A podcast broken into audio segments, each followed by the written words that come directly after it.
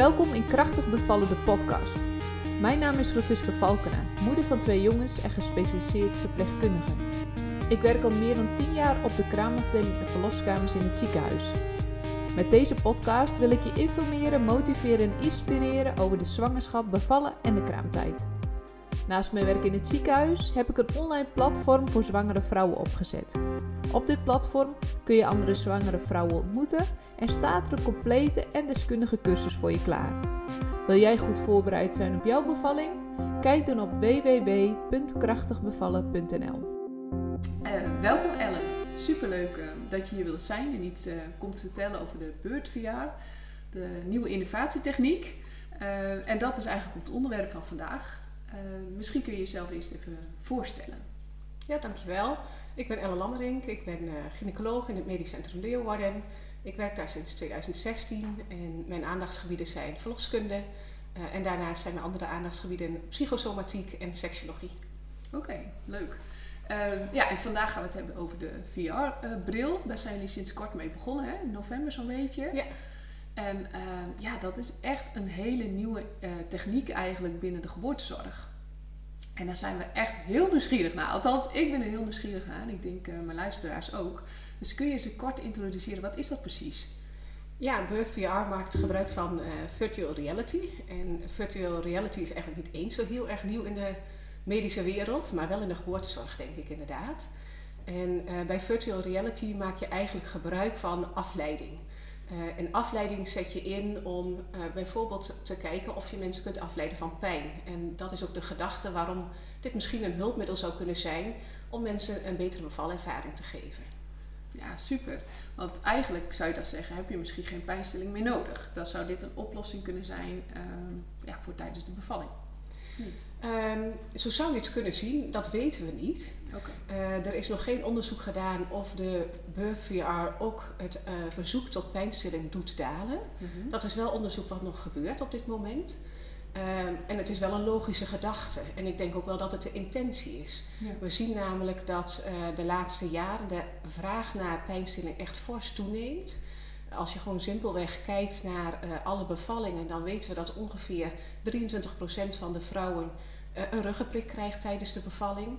Ja. En we weten bijvoorbeeld ook dat als je kijkt naar alle verwijzingen vanuit de verloskundige in de eerste lijn naar de bevalling in de tweede lijn, dat dat in ongeveer 28% van de gevallen is vanwege een pijnstillingswens. Oh ja, ja. En als je dan met die gedachte denkt, ja. dan zou je wel kunnen denken dat het misschien heel mooi zou kunnen zijn als we die aantallen wat lager kunnen zijn, krijgen. Want ja, alle vormen van medicamenteuze pijnstillingen hebben ook uh, potentiële bijwerkingen. Ja, ja. Uh, en dan zou het heel mooi zijn inderdaad als we die percentages wat lager kunnen krijgen. Ja, want eigenlijk uh, streef je dan weer het fysiologische proces na. Hè? Dus zo natuurlijk mogelijk, even voor de luisteraars, zo natuurlijk mogelijke bevalling. op het moment dat je echt pijnstilling hebt, word je medisch. En nou, wat je zegt, hè, mogelijke uh, interventies liggen dan op de loer, om het zo maar te zeggen. Hè?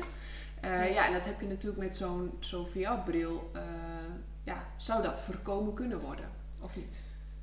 ja, ik ben niet helemaal met jouw gedachtegang eens dat je als je medisch bent, dat je de fysiologie verstoort. Okay. Ik denk dat ook een medische bevalling streven we nog steeds naar zoveel mogelijk fysiologie. Mm -hmm. Daar zijn we allemaal bij gebaat. Um, dat is het beste voor de vrouw, dat is het beste voor de baby, dat is het beste voor de toekomst. Alleen uh, niet altijd alles loopt fysiologisch. Nee, en nee maar ik bedoel fijn... dan ook meer de pijnstilling. Uh, ja, en ik denk inderdaad dat je wel um, ja, in de vorm van als je medische pijnstilling gebruikt, mm -hmm. dan heb je extra controles nodig om de veiligheid te kunnen bewaken. En dat is het voordeel van deze vorm van pijnverlichting. Uh, mm -hmm. Dat je geen extra controles nodig hebt, omdat het simpelweg geen bijwerkingen heeft en geen risico's kent. Nee. En daarmee kun je, ik vergelijk het soms een beetje met het bad. Ja. Uh, want ik zie dat een beetje zo. Je moet maar denken, nou, pijnverlichting. Mm -hmm. um, dat geeft, een bad is ook een vorm van pijnverlichting, denk ik. Sommige Absoluut. mensen zijn enorm ja. gebaat bij uh, de warmte van een bad of bijvoorbeeld de massage, de tastzin. Ja. En uh, dat kan ze doen afleiden om ja, de pijn minder te ervaren. Ja. Ja. En dit is een andere vorm van prikkels die je eigenlijk geeft. prikkels als een afleiding. Um, ja, zintuigelijke prikkels, dus mm -hmm. visie, en gehoor, eh, de, de, het zicht en het gehoor worden ingezet als afleidingsprikkels voor die pijnprikkel. Ja, ja. En ja, dat is de, zo zie ik het een beetje als dus een, een variant. De een heeft baat bij een bad Ja, ja. en de andere heeft, weet dat hij zichzelf eh, ja, goed kan laten afleiden door bijvoorbeeld meditatie of ontspanningsoefeningen. Kent dat al omdat hij dat vaak zelf ook op andere vlakken inzet als Mhm. ontspanningsmethode. ja. Ja, en dan kan dit heel erg goed werken, denk ik. Ja, ja. Nou, ik ben benieuwd, hoe, hoe werkt zo'n eh, zo'n apparaat? Hoe werkt zo'n bril? Ehm, nou, de zwangere of bevallende aan, het- aan de bevallen vrouw, die zet de bril op Ja.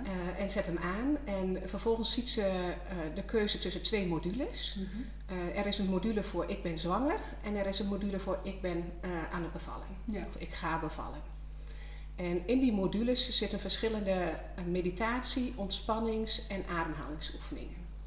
Als je dan kijkt naar de module van ik ben zwanger, dan ehm, zitten daar, ja, ik geloof een, een stuk of zes modules in. Mhm. En eh, een van die modules is bijvoorbeeld contact met mijn lichaam. Een andere module is bijvoorbeeld concentratie op de ademhaling. Ehm, een andere module is ik en mijn baby. Mhm. Eh, en ze zijn eigenlijk allemaal gericht dan wel op meditatie, dan wel op ontspanning en dan wel op ademhalingsoefeningen. En in de zwangerschap is het dus vooral bedoeld ja, om gewoon lekker te kunnen ontspannen. eh, om contact te kunnen maken met je lijf. eh, om te leren over hoe kan ik nou ademen, eh, goed ademhalen voor als ik straks ga bevallen. Ja, ja. En ook denk ik wel bedoeld om te kunnen kijken, is het iets wat bij mij past? Is dit een methode voor mij waar ik ontspannen van word? Ja. En, ehm, Kan ik dit toepassen? zeg kan ik dit straks gaan toepassen als ik ga bevallen? Want ik ben zelf heel erg, ik geloof er heel erg in eh, dat als je dit hebt geoefend in je zwangerschap, Mhm. dat de kans is dat het eh, effectief is tijdens je bevalling veel hoger zal zijn. Ja. Vanuit Ja, eigenlijk twee punten. Ja. Je weet dat het werkt voor je en dat het een methode is die bij je past. Net zoals ik denk eigenlijk iedereen die, iemand die besluit om in bad te gaan bevallen, doet dat waarschijnlijk vanuit de gedachte omdat hij weet dat, dat hij altijd graag in bad zit. Ja. Als hij wil ontspannen. ja, of dat warmte iets met, eh, met diegene Of de warmte, of inderdaad, met die gedachte kiezen ze denk ik vrijwel altijd voor die badbevalling. En eh, hier is het een beetje hetzelfde. Als je weet van, eh, van jezelf, oké, ik ben gebaat bij meditatieoefeningen of ik ben gebaat bij kijken naar een mooie omgeving, het horen van een rustig geluid of eh, mooie muziek, ja, dan zal dit een methode zijn die voor je werkt. Ja, ja. En daarnaast denk ik dat het zinvol is om te oefenen in je zwangerschap, omdat je ook eigenlijk wel weet uit, nou ja, gewoon uit de wetenschap van meditatie, dat als je het vaker doet, dat je je brein traint. Dus dat Ja. je er beter in wordt. ja, ja. Je traint toch bepaalde breincentra om eh, ja, daar kleine aanpassing in te maken, waardoor je beter kunt ontspannen, minder angst hebt. ja, ja. En dat is in dit eh, proces, ontspanning en weinig angst kennen, is in je bevalling bijzonder nuttig. Ja, ja. ja, grappig dat je het zo zegt. Want inderdaad, eh, met het platform sta ik daar ook echt voor. Hè, dat je echt van tevoren al in je zwangerschap aan het oefenen bent. Ik heb zelf ook meditaties opgenomen om eh zwangeren bewust te worden. Op een gegeven moment om het ook aan te leren. hè, Dat je het zelf kunt doen. Dit is eigenlijk een beetje vergelijkbaar. Alleen jullie gebruiken de bril, eh, de, de bril bedoel ik. En eh, ik gebruik mijn stem en audio's. Ja. Ehm, maar het grappige is inderdaad dat als ze dat al leren in die zwangerschap dat ze het dus ook zelf makkelijker kunnen inzetten. En dat heb je natuurlijk met zo'n bril ook. Als jij, eh, want ik heb even gekeken, ik mag toen net even kijken, ik heb hem opgehaald. En ik vond het echt heel, eh, ja, eigenlijk bijzonder. Hè? Want je kan echt, eh, nou ja, bij wijze van spreken helemaal om je heen kijken. Zowel boven en onder. En je hebt altijd beeld. Hè? Ik had nu toevallig een beeld van een berglandschap op het strand. Het zag er echt prachtig uit. Dus je hebt het gevoel dat je daar bent. Hè? Dat is eigenlijk een beetje de verplaatsing die je denk ik wilt krijgen. Hè? Dat mensen echt ervaren van nou, je bent daar. Je voelt die rust als het ware een beetje overheen komt. Dan heb je dat geluid.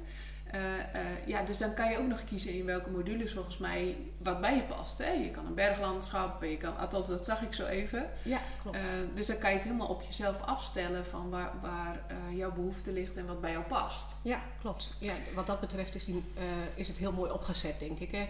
De mensen die het hebben ontwikkeld hebben heel goed gekeken naar waar ligt de behoefte van een, een vrouw die zwanger is of aan het bevallen is. Ja, ja. Ze hebben eerst onderzoek gedaan naar, eh, naar virtual reality om te kijken hey, wat vinden mensen fijn. En toen onderzochten ze met twee methodes. Dus ze onderzochten met ontspanningsoefeningen en meditatieoefeningen versus vergeleken met bijvoorbeeld activiteiten. Hè? Ze moesten ze sneeuwballen vangen.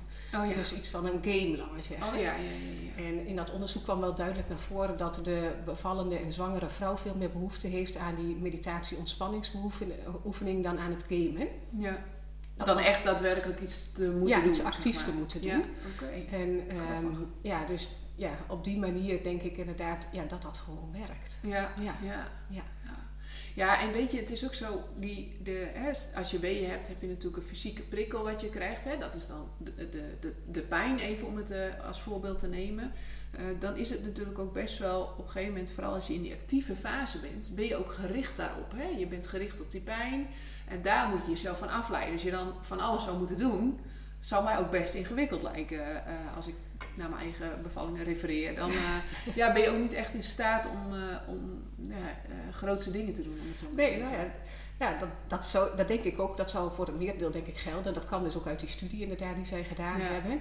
Hoewel ik ook, me ook nog wel kan voorstellen. Sommige, ik weet wel dat heel veel mensen ook gaan taarten bakken. Ja, in een latente fase. Ja, in de fase. fase ja, dan ja, gaan ze vaak ja. taarten bakken. En uh, dan is altijd een beetje het idee van, nou ja, hoe werkt dat dan? Omdat ze wat aan het doen zijn? Ja. Of zal het vooral Leidt zijn, het denk ik, omdat, het, omdat ze houden van bakken. En dat is dus iets waar ze een positieve associatie mee hebben. Omdat het ook nog lekker ruikt. Ja. Dat is ook een zintuigen. Dus ook dan denk ik dat je wel andere zintuigen aan het inzetten bent...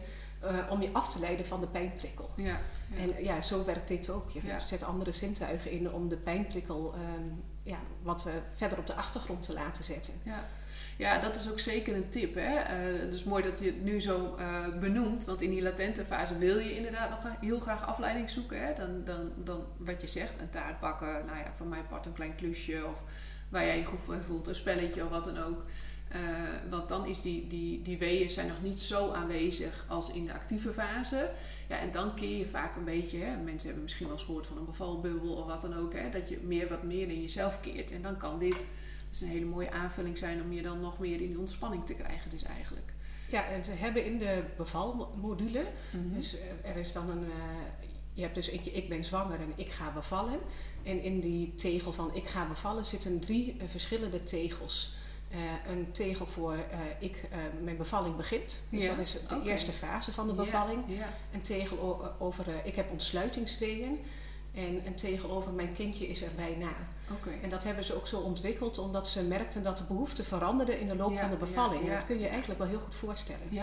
dat dan die behoefte anders is. Ja. Ja. En die eerste module over mijn bevalling begint, die gaat dus vooral over ontspanning. Dus jezelf in die ontspanning neerzetten. Het stukje over ik ga ontsluiten is echt puur gericht op ademhaling. Het, uh, het komen in de bubbel. Ja, Inderdaad, ja, ja. het is eigenlijk letterlijk, want er is in het zicht dan ook een ademhalingsbubbel, een, ja, een luchtbel die groter en kleiner wordt en die je helpt om in dat patroon te gaan ademhalen. En in dat allerlaatste stukje, wat nou, ik zeg meestal tegen de mensen, dus ongeveer voor, uh, vanaf de 8 centimeter, 7, 8 naar 10 centimeter toe. Um, dan heb je echt dat je controleren kan wanneer je die bubbel ziet. Dus je kunt zelf aangeven wanneer jouw weder is en dan komt die bubbel weer in beeld. Oh, ja. Ja. En dus die is nog meer gestuurd op echt coaching ook. Oh, ja. Uh, en dat is zo bleken een beetje de behoeftes te zijn. Ja. Tijdens de uitdrijving gebruik je over het algemeen niet de bril. Nee, nee, oké. Okay. Nee.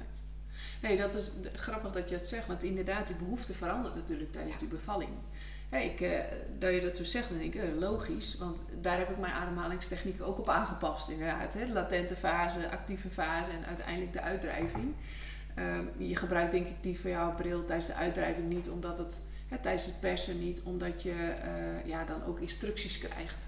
En als je dan zo'n bril op hebt, lijkt me, dan is dat onhandig. Of niet? Ja, en ik zei ook wel voor de grap is, hè, je wilt natuurlijk niet dat, uh, dat de vrouw mist. de geboorte van haar kind mist omdat ze een bril op nee, heeft en de baby nee, niet ziet. Dat lijkt me niet uh, een hele wenselijke situatie. Maar meestal zijn mensen dan zo gefocust en echt aan het, aan het werk. Ja, maar zo ja dat is eigenlijk een andere fase. Ja, dat is meestal ja. niet de fase waar ze behoefte hebben aan, aan het hebben van zo'n bril. Nee, Overigens zet je de bril ook niet, uh, sommige zwangeren denken dat ze continu die bril dragen tijdens de bevalling. Oh ja. dat is eigenlijk niet de gedachte erachter. Okay. Um, dat mag als mensen dat um, prettig vinden.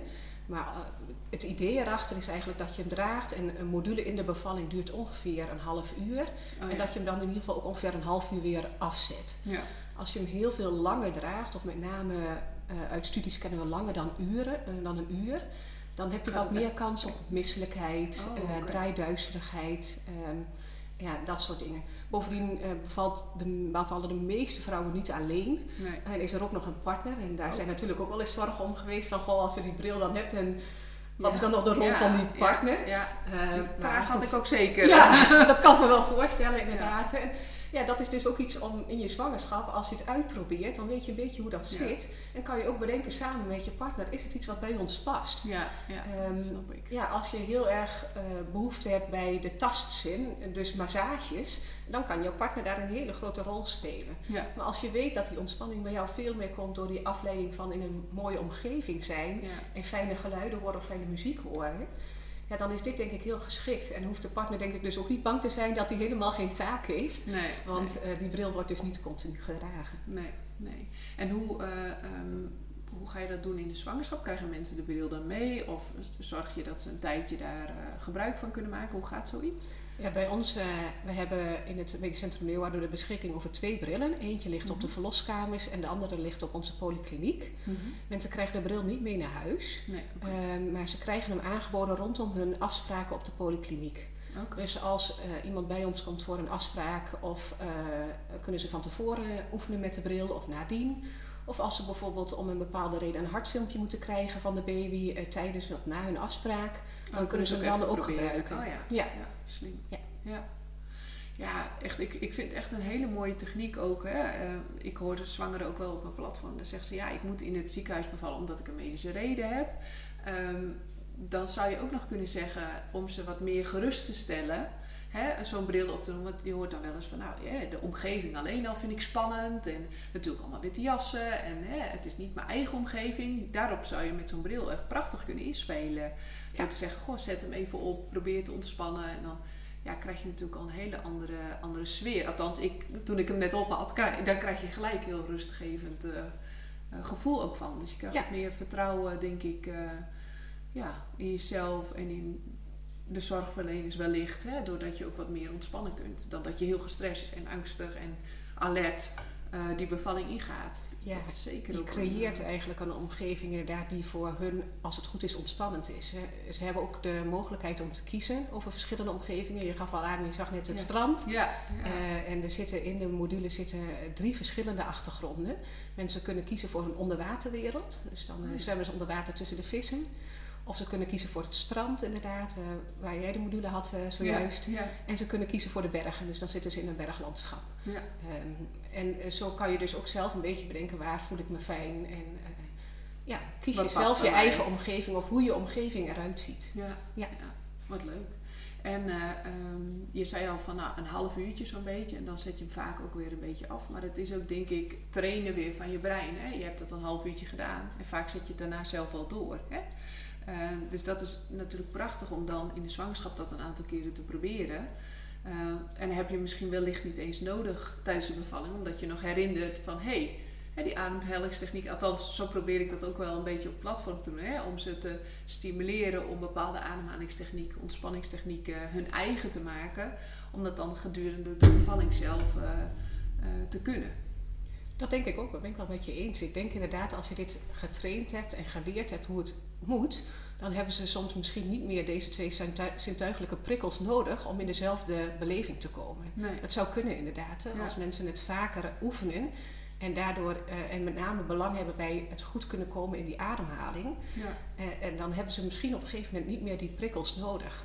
Dat is ook eh, niet alleen bij de bevalling zo, maar dat is denk ik met het hele dagelijkse leven Ja. zo inderdaad. Er zijn best wel heel veel mensen die bijvoorbeeld hele periodes hebben gemediteerd, maar op een gegeven moment eigenlijk niet meer die meditatie in hun oren nodig hebben Nee, nee. om te kunnen mediteren. Omdat Ja. ze dat eigenlijk al aangeleerd hebben. Ja, Ja. Dat zit enorm, we hebben een enorm slim brein. Ja, Onze hersenen maken heel veel geheugen. ja, En soms zit ons geheugen heel erg in de weg, zeg ik altijd. ja. Want eh, als dat geheugen iets negatiefs heeft opgeslagen, dan is Angst dat je laatste herinnering.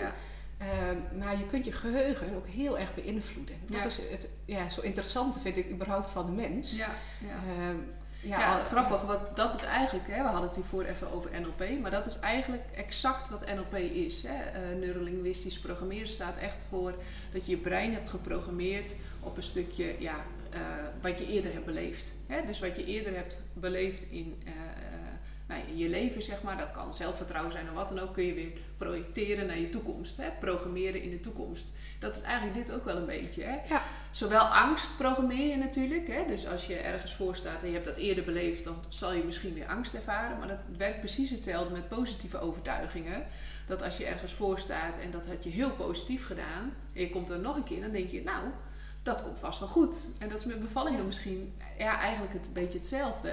Ja, het hebben van vertrouwen, het weten dat uh, je een positieve herinnering hebt, dat helpt. Dat kan natuurlijk niet als je voor het eerst gaat bevallen. Nee. Maar dan kan het nog steeds wel zijn dat je uh, er bepaalde positieve associaties aan kent. Ja, en dat werkt denk ik... Bewust aan kan koppelen. Hè? Ja, aan ja. kan koppelen. Dat is denk ik heel erg uh, belangrijk. En dat werkt ja, bij de bevalling zo, maar dat werkt eigenlijk met heel veel dingen zo. Ik vind eigenlijk dat mijn hele vak zo werkt, om maar zo te zeggen. Ja, als je gewoon kijkt naar het dokter zijn Um, ja, dokter zijn is niet alleen maar medische aandoeningen kennen en herkennen uh, en zeggen als het er niet zo is. Het allerinteressantste is, vind ik, de persoon die tegenover je zit. Wat betekent dat wat degene heeft of misschien wel niet heeft ja, ja. Uh, voor diegene in zijn gedachten ja. en in zijn gedrag. En uh, wat betekent, wat doen die hersenen met dat geheugen? En hoe kan je dus diegene niet alleen maar helpen door de medische aandoening op te lossen, en dat kan ook lang niet altijd. Nee. Maar door ook te kijken naar diegene's gedachten en naar het gedrag wat er vervolgens uit voortvloeit. Ja. En ja, als je dat kunt, een beetje, ik noem dat biopsychosociaal denken ja. als dokter. Ja, dat, het helpt enorm omdat je dan uh, de patiënt tegenover je veel meer hebt te bieden dan alleen maar dat biologische, dat medische stukje oplossing. Ja, ja. Uh, en je hebt opeens een gro veel groter arsenaal aan, uh, aan behandelingen eigenlijk. Ja. Hoe kun je degene voor jou helpen? Ja. Ja, niet alleen maar met medische dingen. Nee, je kunt nee, ook invloed niet. uitoefenen op, op de gedachten daarover of het gedrag daarover. Ja. En een positief geheugen proberen te bouwen. Of eigenlijk overschrijven, zeg ik wel eens. Hè. Proberen die negatieve gedachten te gaan overschrijven door veel positieve ervaringen. Waardoor die eigenlijk de overhand gaan krijgen. Ja. En ja, dat vind ik ontzettend interessant in ons vak. Ja, ja wat het, het, grappige is ook wel eens dat, eh, nou ja, ik heb heel veel zwangeren op mijn platform en dan zie ik wel eens de een heeft dan eh, een sociale omgeving die eh, nou, van alles hebben meegemaakt, niet per se in de positieve zin, zijn wat angstig, waarschuwen dan de zwangere altijd hè, van hè, denk hierom of denk daarom of weet je wel dit of weet je wel dat en, en je hebt de zwangere eh, die zegt van oh ik heb zulke positieve verhalen, want mijn moeder had een prachtige bevalling en mijn zus en een vriendin en terwijl die ja, zwangeren bijna synchroon lopen aan elkaar. Hè? Qua duur, termijn, ook hoe ze er wel in staan. Maar die omgeving heel bepalend is eigenlijk in waarin eh, zo'n zwangere beïnvloed wordt. Hè? En dat eh, ja, vind ik ook heel interessant om te zien. En is misschien ook goed voor de luisteraar die nu luistert om je bewust ervan te zijn. Dat dat zeker invloed heeft. Eh, soms niet eens bewust, maar dan wel onbewust. Ehm, en daarmee bezig zijn van, goh, ik weet dat het invloed op me heeft. Laat ik daar een positieve draai aan geven. Heeft absoluut een positieve invloed eh, op datgene wat je dan nog te wachten staat. Ja, dat denk ik ook. Dat denk ik zeker inderdaad. We, we weten, en dat vind ik soms wel een beetje een pijnlijk puntje, moet ik eerlijk zeggen, dat de invloed van de omgeving is enorm. Ja, Ehm, en soms vind ik dat voor mijn kant, vanuit eh, de dokterskant, best wel moeilijk. Want als ik eh, de Ja. boodschap die ik geef, of dat waarvan ik denk waar ik iemand mee kan helpen, die is soms ondergeschikt aan de boodschap van eh, de Linda Ja. bijvoorbeeld. Ja. Dus soms kan dat toch wel eens pijnlijk zijn. De, de, de invloed van de omgeving is heel erg groot inderdaad. Ja. En de kunst zit er denk ik in als, als persoon of als individu er te zorgen dat je realistische verwachtingen hebt. Dus dat je weet waar je reële informatie van krijgt. Ja. Te beseffen dat de omgeving met de allerbeste wil informatie aan je geeft. Ja. Maar dat het niet altijd de realistische informatie is. Nee. Ja, en kijken hoe jij daar inderdaad een positieve draai aan kan geven. Hoe, waar Ja. heb jij baat bij in de situatie waar je mee te doen hebt als je zwanger bent of als je gaat bevallen?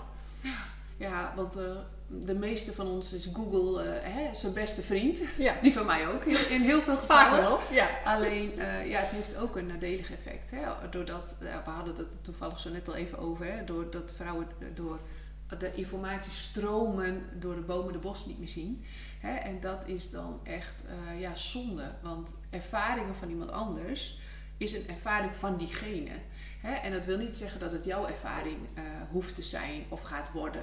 En dat is natuurlijk wel goed om je te beseffen ehm, ja, wat voor informatiestromen er zijn. En dat ook een gynaecoloog, verloskundige, verpleegkundige, nou ja, mensen in de geboortezorg die daarin werken, daar ook voor geleerd hebben. Uh, en dat is uh, ja, niet voor niks. Hè? Dat, dat, dat is wel goed om uh, inderdaad besef te hebben van goh, waar haal ik mijn informatie van, vandaan. Ja, en de een heeft denk ik ook wel veel meer behoefte aan heel veel verschillende dingen ja. horen dan de ander. De ander gaat liever wat ja, minder geïnformeerd, bijvoorbeeld Erin. een bevalling, ja. bevalling in. En ja, het gaat er vooral om, denk ik, uiteindelijk toch echt wat hoe goed ken je jezelf? Ja, wat past bij jou? Wat past bij jou en hoe goed ken je jezelf en waar heb jij baat bij, inderdaad. Ja, En uh, daar gaat het denk ik. De meeste preventie zit denk ik heel erg in, uh, in jezelf. Ja, ja. Ja. En, en daar zijn wij wel als zorgverleners uh, denk ik verantwoordelijk voor. Dat we mensen daar bewust van proberen te maken. Van oké, okay, probeer te onderzoeken. Ja. Dit is een mooie en belangrijke fase in je leven om te gaan onderzoeken waar jij baat bij hebt. Je gaat straks linksom of rechtsom pijn krijgen. Dat weten we. Ja. Dat is voorspelbaar en dat is een normale verwachting. Ja. Uh, en dat hoort erbij. Dat hoort erbij. En dan kan je, wij zijn als zorgverleners denk ik wel, ja, hebben een hele belangrijke taak om mensen daarin te stimuleren. Ja. Van goh, weet dat je straks pijn gaat krijgen. Hoe ga je er normaal gesproken mee om? Niet voor de bevalling, maar ja, je hebt vast ook wel eens een keer pijn gehad. Ja, Bijna iedereen heeft wel eens pijn. Ja, wat hielp toen? En ga er eens over nadenken wat je heeft geholpen. En ja, kijk eens of dat iets zou kunnen zijn, ook wat je in je bevalling kan inzetten. En het feit dat je dat bewust bent, ja ja, dat maakt ook dat je veel makkelijker daar naartoe grijpt als je, als je aan het bevallen bent. En dat maakt de kans dat je in paniek raakt ervan kleiner, denk ik. Ja. Als je eerst nog moet over nagaan en denken van, oh, wat gaat me in godsvredesnaam helpen op het moment dat je al pijn hebt. Ja, dat is, en dat is jammer, ja. want dat is niet nodig. En we, dat is wel onze taak, denk ik, als zorgverleners. Dat we mensen helpen om te stimuleren. En van, ga op zoek naar de dingen die je gaan helpen. Ja, ja. ken jezelf. Ja, dat is ook echt wat we in de praktijk terugzien. Hè? Althans, als ik het uh, ik werk natuurlijk ook veel op de vloskamers. Als, als ik mensen dan onvoorbereid zeg maar, binnen zie komen, eh, vol in de weeën, dan zie je soms die angst van oeh, wat overkomt mij? Hè? Ik heb hier niet over nagedacht. Uh, versus mensen die uh, voorbereid zijn, hè, wat jij schetst, zelf hebben gekeken van goh, wat heb ik nodig, wat gaat mij helpen daar merken wij althans bij ons in het ziekenhuis heel groot verschil hè? in mensen die voorbereid zijn, op wat voor manier dan ook. Mhm. Eh, en mensen die niet voorbereid zijn. Ja, en dan is pijn gewoon best wel een heftige pijnprikkel en emotie die daar vaak aan gekoppeld gaat. Waardoor je ja, toch ziet dat mensen dan in de angst schieten. Hè? Als je daar niet over nagedacht hebt en het overkomt je, um, dan kun je je voorstellen dat je daar meer gespannen in bent en angstig. En dat heeft dan ja, toch, zien wij, een nadelig uh, effect soms op de bevalling. Hè? Doordat als je gespannen bent en je spieren staan uh, uh, stijf of strak, zeg maar, dat je minder goed bijvoorbeeld kan ontsluiten. En dit is even een voorbeeld, maar om even weer te geven ook van wat voor invloed dat, dat kan hebben. In een positieve manier, maar ook in een, in een, in een dan negatieve manier. Ja, ja want het, het, het, kunnen ontspannen ja, tussen de weeën door of zelfs tijdens de weeën. Dat is natuurlijk een beetje verschillend. Maar ja, dat is denk ik wel inderdaad heel erg belangrijk voor, het, voor de vordering van de ontsluiting. Dat is uh, absoluut waar. Ja. En het is niet zo dat ik denk dat uh, iedere zwangere vrouw zich nou helemaal moet voorbereiden op de bevalling. Want er bestaan ook vrouwen en mensen die, uh, die weten van zichzelf ik word nergens warm en koud van. Nee, ja. En zo functioneer ik nou eenmaal. En ja, dat, vaak zien we dat ook wel als zorgverleners. Denk ik wel dat we, of dat hoop ik altijd, dat we allemaal redelijk mensenkennis hebben. Dat we daar toch wel enige gevoel voor hebben ontwikkeld in, gaandeweg de loopbaan. En soms herken je het zo al hè, op je spreekuur. Als je een aantal keren je patiënt hebt gezien of cliënt hebt gezien, dan weet je, oké, dit is zo iemand die uh, wordt nergens warm en koud van. Het is goed uh, zo. dus die, hoeft niet zo, die heeft waarschijnlijk niet zoveel behoefte hieraan. Nee, nee, en dan werkt het misschien wel averechts als we een bril zouden opzetten. Dat zou zo kunnen. kunnen hè? Ja, die is alleen maar afgeleid en die denkt, ik kan dit gewoon uh, prima zonder enige andere, ik heb geen prikkels nodig, want nee, die heeft dat niet nodig. Maar soms zie je ook wel eens een, een patiënt of cliënt kan het dan zijn in de eerste lijn, hoe je het maar wil noemen, dat maakt niet zoveel uit. Nee. Maar waarbij je het gevoel hebt van oké, deze heeft uh, best wel wat ondersteuning nodig. Mhm. Maar doet, uh, de kunst is dat je daarna vraagt. Hè, hoe bereid je je voor te, ten aanzien van het stukje zwanger zijn, bevallen, moeder worden, ouders worden. Ja. Uh, en als je dat dan eens vraagt en je hoort eigenlijk niks terug en je, jouw inschatting is, hey, zoals ik jou ken, denk ik eigenlijk dat het gunstig zou zijn, ja. is dat je het aanbiedt. Ja. Want sommige mensen hebben gewoon niet de toegang nee, uh, tot die dingen. Of kunnen het niet vinden of weten niet waar ze moeten zoeken. En dan is het denk ik wel aan ons als zorgverleners. Nou, ga je samen op zoek. Wie zit er tegenover je? Wat zou kunnen helpen? Ja, Geef richting. Op een goede manier. Ja. ja. ja, mooi. Ja, want sommige mensen zijn heel makkelijk in op internet zoeken en kunnen redelijk goed dingen vinden. Maar sommige mensen die denken, ja, ik zie door de bomen het bos niet meer. Nee, Help me alsjeblieft in iets wat, wat we samen denken, wat bij mij past. Ja, ja, ja. Dat snap ik heel goed.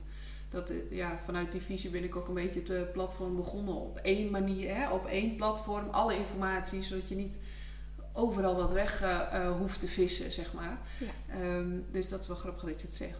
Hey, ik ben nog wel heel benieuwd, eh, nou misschien, want we nemen dit ook op, op video op, dus je kan even kijken als je geïnteresseerd bent op YouTube bij krachtigbevallen.nl. nou, hoe dat eruit ziet. Wat kun je me eens opzetten hoe dat eh, een beetje eh, werkt? Ja, zeker. Gewoon om even te laten zien. Want het is dus, eh dat zal ik proberen te beschrijven, zodat de luisteraars het ook een beetje meekrijgen. Want het is echt een, een bril. Het lijkt een beetje op een verrekijker, moet ik eerlijk zeggen. Ja. Alleen dan afgeschermd. Ja, zo ziet het er een beetje uit inderdaad. Op de bril zelf zit dus een aan-uitknop. Ja. En je zet hem ja, een beetje als een soort helm over je hoofd. Ja, ja, het is inderdaad een soort verrekijker. Ja. Dan heb ik even de afstandsbediening van... eh, oh, die heb ik hier neergelegd. Ja. En er zit dus een soort afstandsbedieningje bij die je in je hand legt. Mhm. Eh, en als je hem aandoet, dan eh, ja, kom je in de module. En dan is het eerste wat je eigenlijk altijd moet doen, is even zorgen dat het beeld recht is. Want elke keer als je van positie verandert, dan kan het zijn dat je horizon dus scheef wordt. Oh ja. En dan kan je corrigeren door op een knopje te drukken, dan is je horizon weer recht. En als je vervolgens dan de bril op hebt, zie je de modules en heb je met een soort afstandsbediening de keuze en kun je dingen aanklikken. Je ziet daar een pijltje. Ja, ik denk dat het eigenlijk voor iedereen heel erg makkelijk werkt. Ja, dat denk ik ook. En eh, ja, je zet hem op, eh, je kiest wat je wilt gaan doen. Je Eh, hoort de muziek al. Ik weet niet of mensen oh ja, het kunnen mensen horen. horen dat misschien ook, hè? Hoorden jullie dat? Ik denk dat je het heel zachtjes zo kunt horen. Dat is al een beetje een ontspanningsmuziek heb je er dan onder. Ehm, ja, en eigenlijk eh, kun je dan dus eh, kiezen per module wat je, wat je voor je ziet. Ja, en zal ik eens gewoon eentje aanzetten en kijken of we mensen ietsjes kunnen laten horen. Nou, Ja, is goed. Ik ben in de module Ik ben zwanger. En eh, daarin zie ik verschillende dingen. Je kunt kiezen voor een dagelijks rustmoment. Dat is een ontspanningsmodule van acht minuten. Je kunt kiezen voor eh, jij en je baby. En dat gaat over concentratie. En nou, die module klik ik nu aan. Die duurt 11 minuten. Lieve mama, fijn dat je er bent. Deze meditatie is erop gericht om contact te maken met de baby in jouw buik. Oh ja, wat grappig.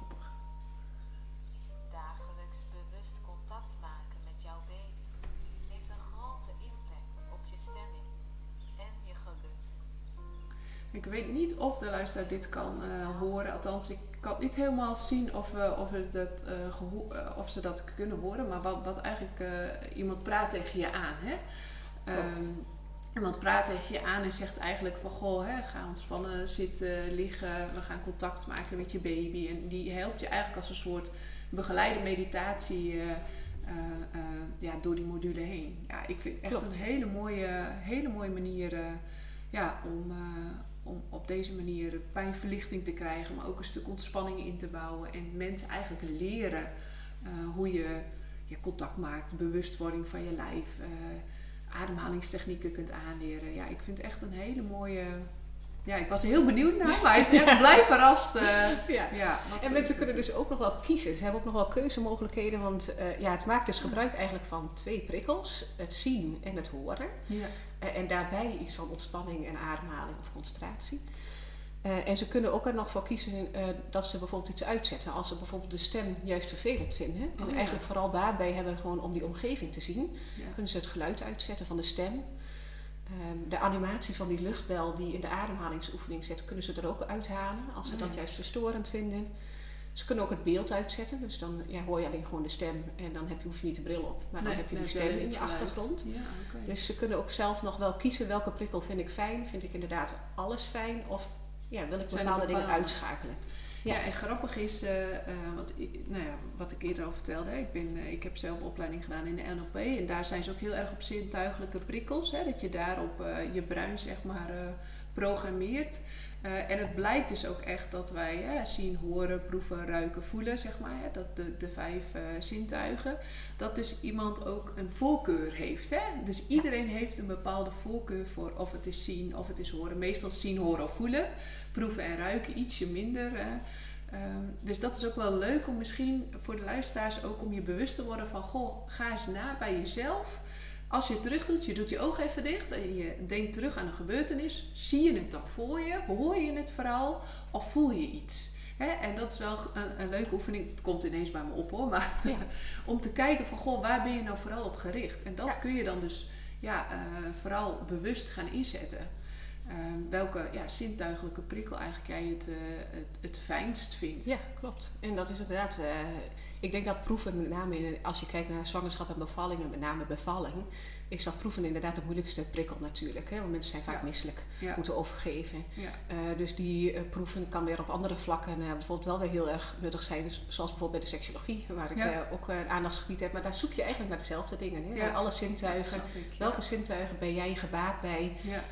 ja, en dat is een stukje leren inderdaad. Dus, en dat moet je wel bewust doen, want niet iedereen is zich bewust van überhaupt de zintuigelijke prikkels en wat er dan vervolgens doen met jezelf. Ja, nee.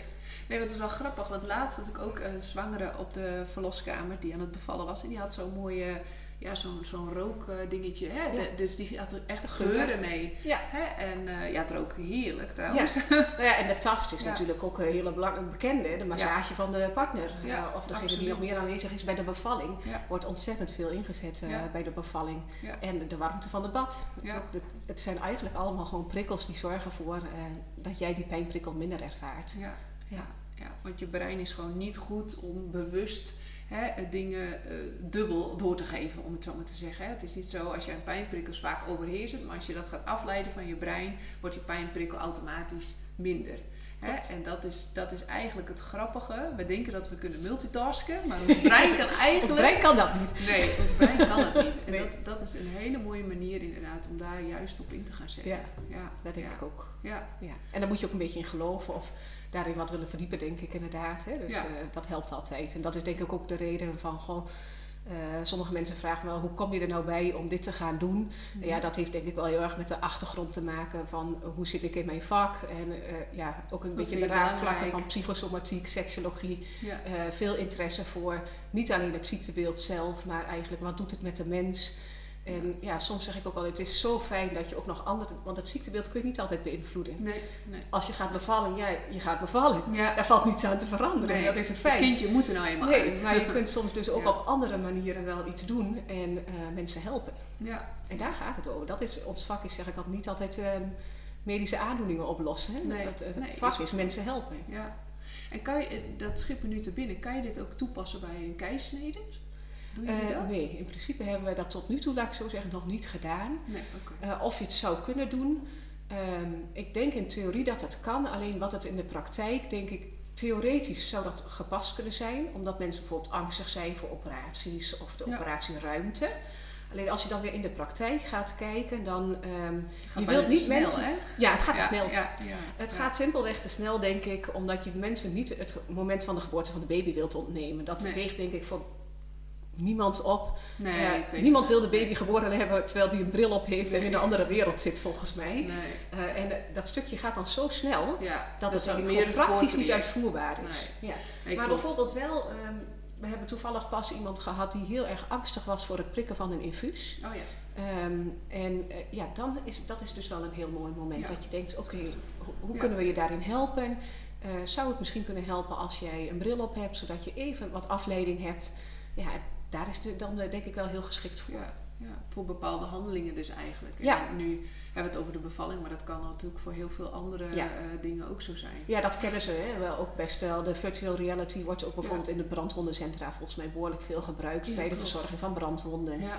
Ja, uh, ja bij kinderen volgens mij uh, ook, hè, om kinderen af te leiden. Dus ja, daar, daar kunnen we op heel veel verschillende vlakken inzetten. Ja, ja ja, bijzonder. Maar inderdaad, ik, ik, moest even aan de keisnede denken, maar nu we het er zo over hebben, dat is meestal hè, voor, de, voor de luisteraars even binnen een kwartier hè, dat jij op de operatiekamer ligt, heb je soms al een, uh, een kindje. Hè? Dus dat is echt best vlot. Om even het tijdsbestek een beetje eh, duidelijk te maken. Ja, dus dan kan zou het heel snel gaan. Ja, exact. Ja, ik zeg altijd, het moment dat wij beginnen met de keizersnede, binnen vijf minuten is de baby geboren. Ja, dus dan heb je eigenlijk niet eh, die gepaste tijd, denk ik. Dus nee, nee. praktisch gezien is het niet uitvoerbaar. In de theorie zou het denk ik dus wel kunnen werken. Alleen, eh, Ja, vooral voor het stukje van misschien een ruggenprik prikken. Hè, of of eh, nou ja, hè, Ja. Wat, er- wat er dan maar nodig is ter voorbereiding op eh, de operatie zelf.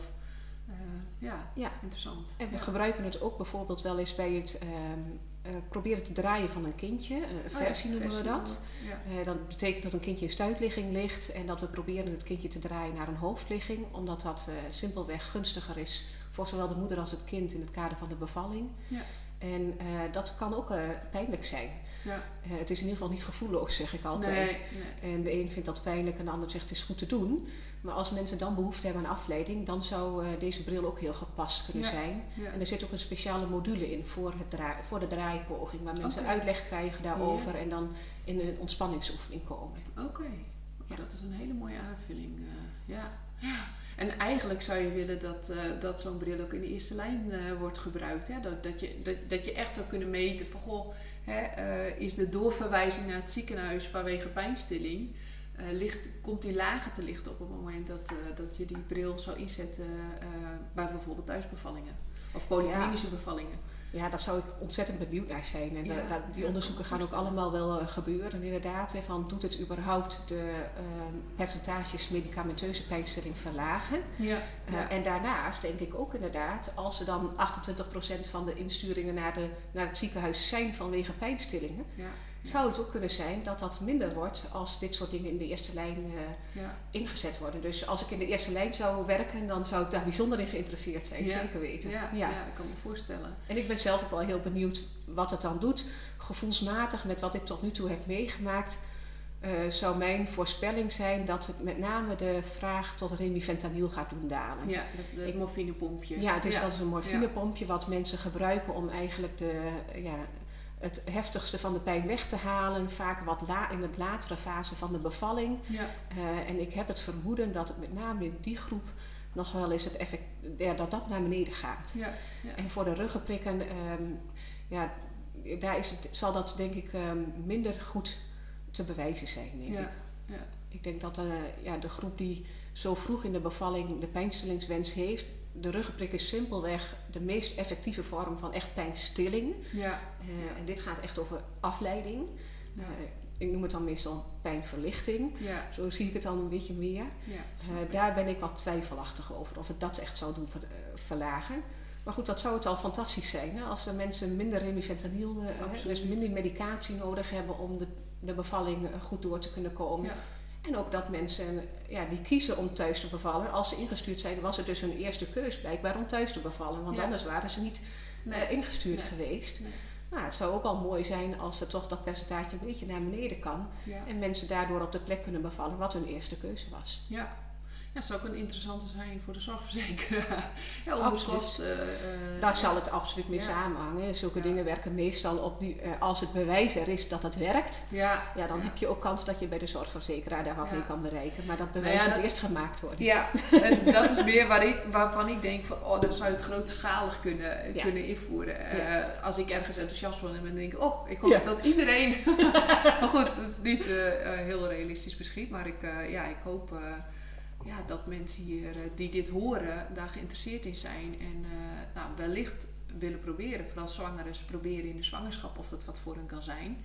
En dan is dit, eh, de VR-bril is dan een goede optie, maar mediteren, afleiding zoeken sowieso. En, stel dat je deze, want niet elk ziekenhuis, wij hebben hem ook niet helaas, ehm, heeft zo'n bril. Maar de essentie van de bril is natuurlijk ook iets wat je zou kunnen nabootsen door middel van audio of eh, hè, andere dingen. Mocht Ja. je dit dus niet tot je beschikking hebben, Ja. is het abso- absoluut nog een goede manier om, eh, om jezelf af te leiden. Ja, dat denk Ja. ik ook. Ja. En het is denk ik wel een kwestie van ja, op zoek naar eh, wetenschappelijk bewijs ook. Hè, dat het zinvol is. En meestal werken we in de medische wereld van eerst bewijzen dat het zinvol is en dan pas gaan gebruiken. Ja, En eh, daarom zou je er wat kritisch op kunnen zijn. Aan de andere kant eh, heeft het mij wel toen eh, besluiten toch ermee in te gaan zitten. Het heeft geen bijwerking. Nee, precies. Eh, dus dat Kan is geen zo kwaad. prettig. Ja.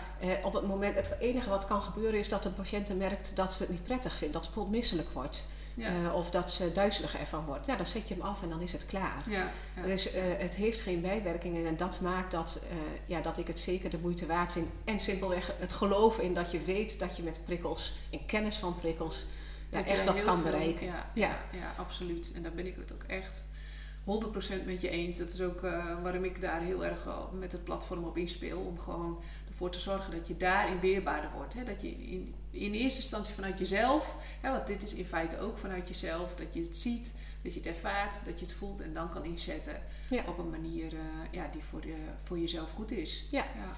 Nou ja, en, eh, en, ja, het kan dus ook niet zoveel kwaad. We hebben wel eh, in het ziekenhuis bijvoorbeeld afgesproken dat we bepaalde groepen vrouwen niet geschikt vinden voor het ehm, dragen van de bril. Dat is misschien nog wel goed voor de luisteraars. En sommige mensen kunnen dat van zichzelf al wel een beetje bedenken. Als iemand heel snel wagenziek is bijvoorbeeld. Oh ja. Ja, dan weet je eigenlijk van tevoren al wel dat het eh, waarschijnlijk niet geschikt zal zijn. Omdat ze waarschijnlijk daar ook wagenziek worden als het Oh ja. ware. Hè? ja. Ehm, eh, ja, dus zo hebben we wel een aantal dingen waarmee we kunnen inschatten dat lijkt ons wat minder geschikt. Maar Ehm, ook dan kunnen ze het misschien uitproberen in de Je kunt het zwangerschap altijd proberen. Ja, precies. ja, maar ja. die mensen weten meestal zelf wel van, van zichzelf dat soort dingen, eh, daar word ik juist niet zo prettig van, en niet zo blij nee, van. nee, nee. Ehm, en zo hebben we een aantal situaties waarbij we zeggen, oké, in die situatie eh, gebruiken we hem niet. Nou ja, ook een paar gewoon medische, praktische dingen, zoals als iemand in isolatie moet liggen, dat heeft dan vooral te maken met hygiëne. Nou, nu met de COVID Ja. eh, tegenwoordig kan dat dus soms de situatie zijn en dan eh, bieden we het dus niet aan. Nee. Ehm, en bijvoorbeeld bij vrouwen met een ernstige zwangerschapsvergiftiging, preeclampsie. bij die mensen weet je, wil je ze eigenlijk ja, een beetje ouder, Prikkelarm, hè? ja, ouderwets Ja, woord vind ja, ik het ja, altijd ja. wat, maar Ja, je wilt ze prikkelarm ja. verplegen. Ja, En met die gedachte is het dan dus niet zo handig om, want prikkels te geven. Nee. exact, en ja, je gebruikt hier juist om Ja, prikkels te ja, geven ja, ja. die afleiden. En met Ja. die gedachte hebben we gedacht, we willen niet, eh, we zetten het niet in bij mensen met een ernstige preeclampsie. Nee, onbegrijpelijk. Ja. Kunnen mensen hier naar vragen of, eh, of ze dit mogen gebruiken? Ja, zeker. Kunnen ze Ehm, het aangeven? Ja, we hebben het, eh, op onze, wij hebben het bijvoorbeeld op onze website staan. En eh, in onze wachtkamer hangen, hangt ook eh, een poster en er Ja. liggen foldertjes. Ja. En een QR-code die hun leidt naar de website van eh Birth VR. En ze kunnen het bij de zorgverlener vragen van, goh, mag ik het eens proberen? Ja. Wij proberen er zelf ook soms om te denken. Hè, dat we ook vragen aan de, aan de zwangere van, goh, is het iets voor jou om te gaan proberen? Maar geef het dus gerust aan, vraag ernaar en dan, dan helpen we je op weg. En, en weet je ook welke ziekenhuizen hier aan meedoen? Of heb je een website waar mensen kunnen kijken van, eh, die daarbij aangesloten zijn? Want ik weet Ja. niet elk ziekenhuis heeft dit. Nee, maar- ik eh, weet dat in Noord-Nederland inderdaad nog niet een ander ziekenhuis is die het gebruikt. Ehm, maar je kunt op eh, www.birthvr.nl, eh, dat is de, de website, kan je alle informatie eigenlijk over de Ja. bril vinden. Ja? En daar staan onderaan ook de ziekenhuizen en de verloskundige praktijken. Want er zijn dus ook wel eerste lijns verloskundige praktijken die hem eh, gebruiken.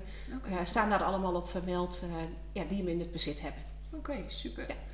Nou, echt heel erg bedankt voor je informatie. Super fijn. Eh, leuk dat je me ook had meegenomen. Dat Ja. ik het zelf even eh, mocht ervaren. Want het is echt, eh, ja, ik denk dat het echt een hele grote meerwaarde gaat zijn in, eh, in de geboortezorg. Dus bedankt eh, voor deze informatie. Ja, jij bedankt voor de uitnodiging. Ik vond het heel leuk. Dankjewel.